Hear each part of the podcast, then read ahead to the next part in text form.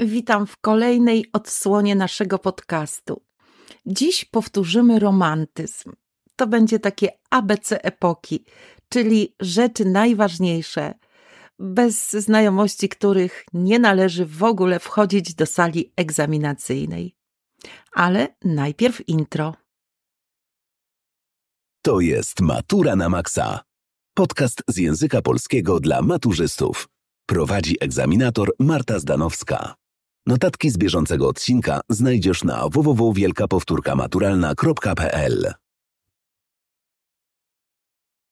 Na przełomie XVIII i XIX wieku termin romantyzm zaczął funkcjonować jako nazwa nurtu literackiego kwestionującego oświeceniową wiarę w potęgę rozumu.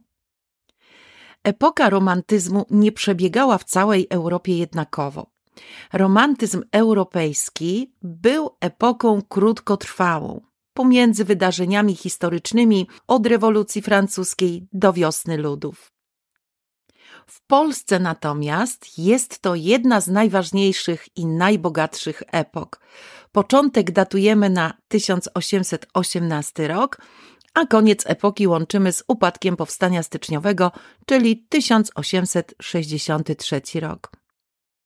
Pamiętaj, że romantyzm polski trafił na bardzo podatny grunt, jest bardzo mocno osadzony w naszej historii i w Polsce, jak powiedziałam, jest to jedna z najbogatszych epok i zdecydowanie najbardziej oddziałuje na późniejsze pokolenia. Zacznijmy od dat granicznych romantyzmu w Polsce. Jeśli chodzi o początek romantyzmu, możemy wskazać dwie daty. 1818 rok to jest tak zwany teoretyczny początek epoki. Co to znaczy? Otóż w tym czasie Kazimierz Brodziński wydał rozprawę zatytułowaną O klasyczności i romantyczności i w tej właśnie rozprawie przedstawił główne idee i hasła epoki. Natomiast rok 1822 to jest tak zwany praktyczny początek epoki. Dlaczego? Bo właśnie w tym roku Adam Mickiewicz wydał zbiór Ballady i romanse i w tym zbiorze już praktycznie i literacko zrealizował założenia romantyzmu. Lata 1822 do 1830 to jest faza wstępna epoki. Tutaj młodzi twórcy piszą swoje pierwsze młodzieńcze utwory i właściwie krystalizuje się program epoki. Lata 1830 do 1848 to jest szczytowa faza epoki. 1830 rok to powstanie listopadowe, a 1848 to wiosna ludów. Właśnie w tym przedziale czasowym bardzo ważną rolę odgrywa tak zwana wielka emigracja, czyli taki masowy wyjazd polskiej inteligencji do Europy Zachodniej w obawie przed restrykcjami popowstańczymi. Zatem najwięksi wieszczowie epoki, a więc Adam Mickiewicz, Juliusz Słowacki, Zygmunt Krasiński, tworzyli dzieła na emigracji. I lata 1848 do 1863 to jest schyłek epoki. Umierają wielcy twórcy epoki, a więc Słowacki w 1849 roku, Mickiewicz w 1855 i Krasiński w 1859 roku. W tym czasie tworzy Cyprian Kamil Norwid, wielki talent, ale nieco spóźniony wobec starszych wieszczów. Główną wartością w epoce romantyzmu była wolność. Romantyzm postulował walkę z niewolą polityczną i społeczną, co doprowadziło do ruchów rewolucyjnych we wszystkich krajach Europy. Romantyzm w polskiej literaturze był epoką bardzo ważną i związaną z historią. Zatem myślę, że warto zapamiętać wydarzenia historyczne, które określiły polski romantyzm i znajdują odbicie w literaturze. A więc rok 1815 i Kongres Wiedeński, na którym ustalono nowy porządek w Europie po epoce napoleońskiej.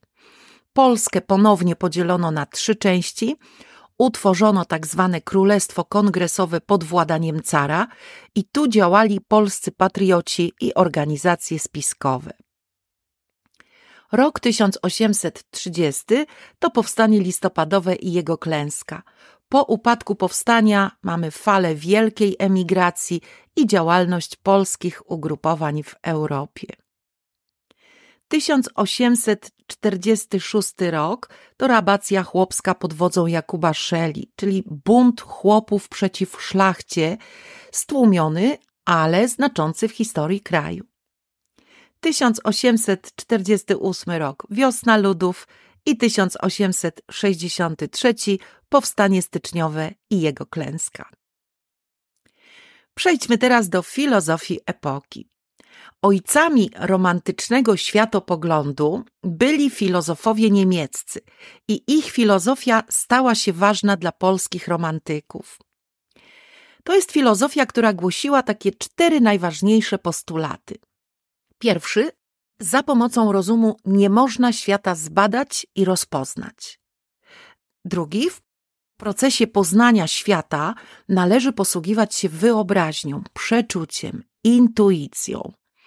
Trzeci, świat ma naturę duchową, a więc materia jest tutaj drugorzędna, zatem w hierarchii wartości ducha należy postawić ponad materią. I czwarty postulat. Poezja jest wyrazem geniuszu, elementem boskości w człowieku, a najważniejszym czynnikiem sprawczym jest tutaj wyobraźnia. Jeśli chodzi o atmosferę romantyzmu, ta atmosfera jest bardzo specyficzna. Otóż romantyzm to epoka, która kocha noc, ciemności, cienie. Noc sprzyja pozaziemskim istotom, a także spiskom, no i buntownikom. Z kolei ciemności wywołują wizje, pobudzają wyobraźnię, i bliższe są nierealnym sferom, a więc łatwiej w ciemności o atmosferę grozy i o uczucie. Czyli groza, uczucie, samotność, sfery niesprawdzalne naukowo, pozaziemskie to jest krąg ulubionych tematów w romantyzmie.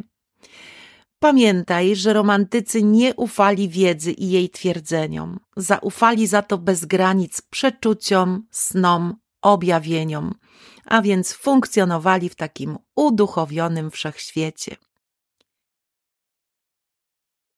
Warto zapamiętać najważniejsze hasła i pojęcia charakterystyczne dla romantyzmu.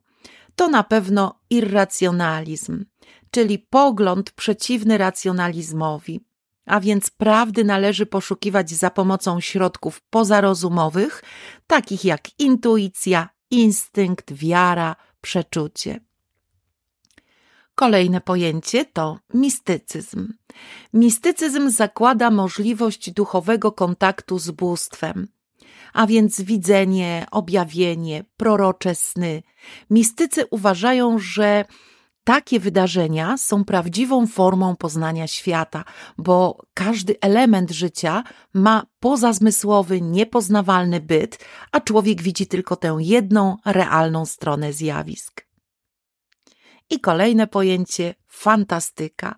To nadprzyrodzone, niezwykłe zjawiska, które powstają w wyobraźni twórcy. I tu duchy, rusałki, widma, one istnieją na równi z postaciami realnymi tajemniczość, czyli niewyjaśnione zjawiska, jakieś mroczne przestrzenie, atmosfera spisku i takich tajemnych sytuacji. Orientalizm to z kolei zachwyt kulturą wschodu, a więc kulturą arabską, perską, japońską, chińską. Ludowość to fascynacja ludem, czyli wykorzystanie podań, legend ludowych, ale też interpretacja zjawisk według wierzeń i moralności ludowej. I kolejne pojęcie uczuciowość. To jest wrażliwość, to jest emocjonalizm, czyli silne poczucie istnienia innej rzeczywistości, taka silna nastrojowość. Historyzm to kolejne pojęcie, czyli historia własnego narodu. To jest źródło motywów literatury. Mesjanizm to z kolei koncepcja ocalenia narodów Europy przez Mesjasza, przypisywanie jednostce i całemu narodowi misji posłannictwa wobec ludzkości. I taka jednostka Mesjasz poświęca siebie dla wielkiej idei. Natomiast naród Mesjasz cierpi za inne kraje i swoim cierpieniem okupi ich wolność. I za takiego Mesjasza romantycy uważali Polskę. I jeszcze jedno pojęcie indywidualizm romantyczny. To jest po prostu jednostkowość, to jest poczucie odrębności, wyobcowania, no i wynoszenia się ponad tłum. W romantyzmie możemy wyróżnić kilka typów bohaterów romantycznych. Bohater bajroniczny to jeden z tych typów. To typ wykreowany przez Byrona. Bohater jest aktywny, dumny, niezależny, ma bardzo silne poczucie wyższości i jego charakterystyczną cechą jest bunt wobec świata, wobec norm, konwencji, Mm, bohater jest tutaj samotny i nierozumiany. On walczy przeciw tym normom i zawsze przegrywa. Jest to też postać tajemnicza, przeżywa bardzo silne emocje i namiętności, którym się poddaje. Kolejny typ bohatera romantycznego to bohater werteryczny. Jest on wykreowany przez Goethego. Jest to człowiek wykształcony, oczytany, i w jego życiu najważniejsze są uczucia, dlatego jest nadwrażliwy. Żyje marzeniami o boskiej wybrance, ale nie potrafi walczyć o swoje uczucia, nie potrafi poradzić sobie z cierpieniem po rozstaniu z kochanką i popełnia samobójstwo. Kolejny typ to bohater walenrodyczny, wykreowany przez Adama Mickiewicza.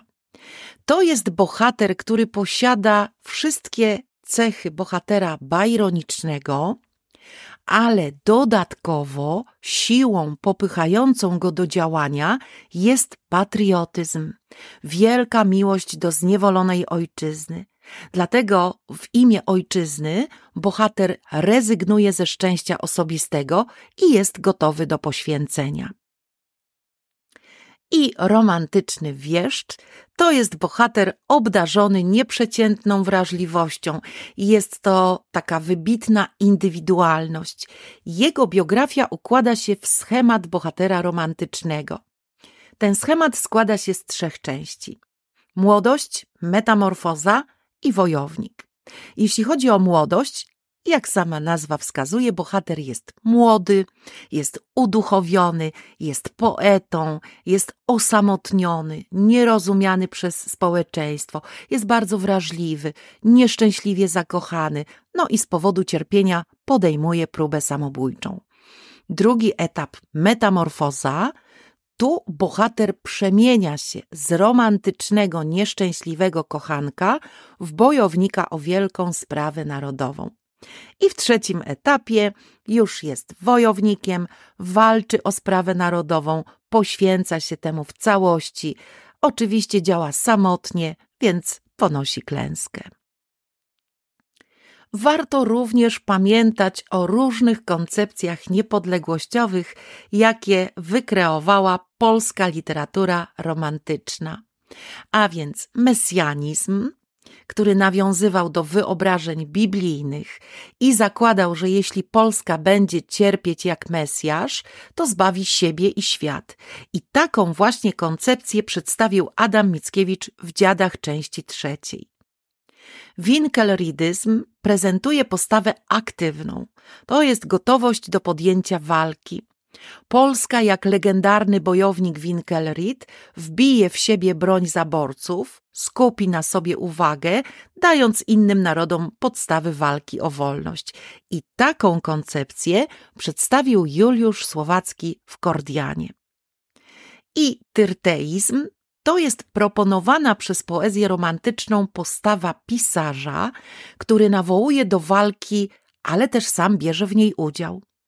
To jest poezja, która budzi uczucia patriotyczne, która tworzy wzorce bohaterów walczących, no i zagrzewa do walki, więc tutaj przykładem może być poezja i Adama Mickiewicza i Juliusza Słowackiego. Literaturę romantyczną cechowało ogromne napięcie emocjonalne. Zarówno twórca, jak i bohater romantyczny to nie jest taki zwykły człowiek. To jest wieszcz, geniusz, geniusz, który tworzy pod wpływem natchnienia, a nie na podstawie ustalonych reguł sztuki poetyckiej. To jest taki twórca, który kreuje rzeczywistość mocą swojej wyobraźni. I może jeszcze na koniec warto wspomnieć o sporze klasyków z romantykami. To jest taka polemika między zwolennikami klasycyzmu a młodymi romantykami. Ten spór rozegrał się w latach 1818 do 1830. Klasycy zarzucali romantykom niepoprawność poetycką, bo romantycy nie trzymali się reguł klasycznych, ustalonych jeszcze w starożytności, ale sięgali do tradycji ludowej i tworzyli nowe gatunki. Więc klasycy uważali, że to zabobon i nieuctwo, tak rozumieli fantastykę i mistycyzm utworów romantycznych. Mówili, że to czary i gusła. Natomiast młodzi romantycy odpowiadali i mówili, że prostota i uczucie powinny być istotą poezji, że kultura ludowa jest wspaniałym i prawdziwym źródłem literatury, bo daje klucz do poznania prawdy o narodzie. I uważali, że poezja nie musi podążać utartym klasycznym szlakiem, że ma prawo stać się wyrazem uczuć i takim teatrem wyobraźni, ma prawo być oryginalna. I oczywiście czucie ważniejsze jest od gustu, bo tkwi w sercu człowieka, a gust zależy od wykształcenia. Wskazywali również, że miłość ojczyzny i poszukiwanie jej we własnej historii jest obowiązkiem twórców młodego pokolenia tak dotkniętego kraju. Człowiek epoki romantyzmu kierował się więc sercem i intuicją, odrzucając przy tym autorytet rozumu i wiedzy. Miał szacunek dla spraw duchowych, ale chęć zmieniania świata prowadziła go czasem do buntu wobec Boga. Sytuacje, które ukazuje literatura romantyczna, są bardzo często pełne dramatyzmu, grozy i szaleństwa. Więcej informacji znajdziesz na naszej stronie internetowej www.wielkapowtórkamaturalna.pl oraz na Instagramie i na TikToku. Tyle dzisiaj. Serdecznie zapraszam na następną odsłonę podcastu. Do usłyszenia.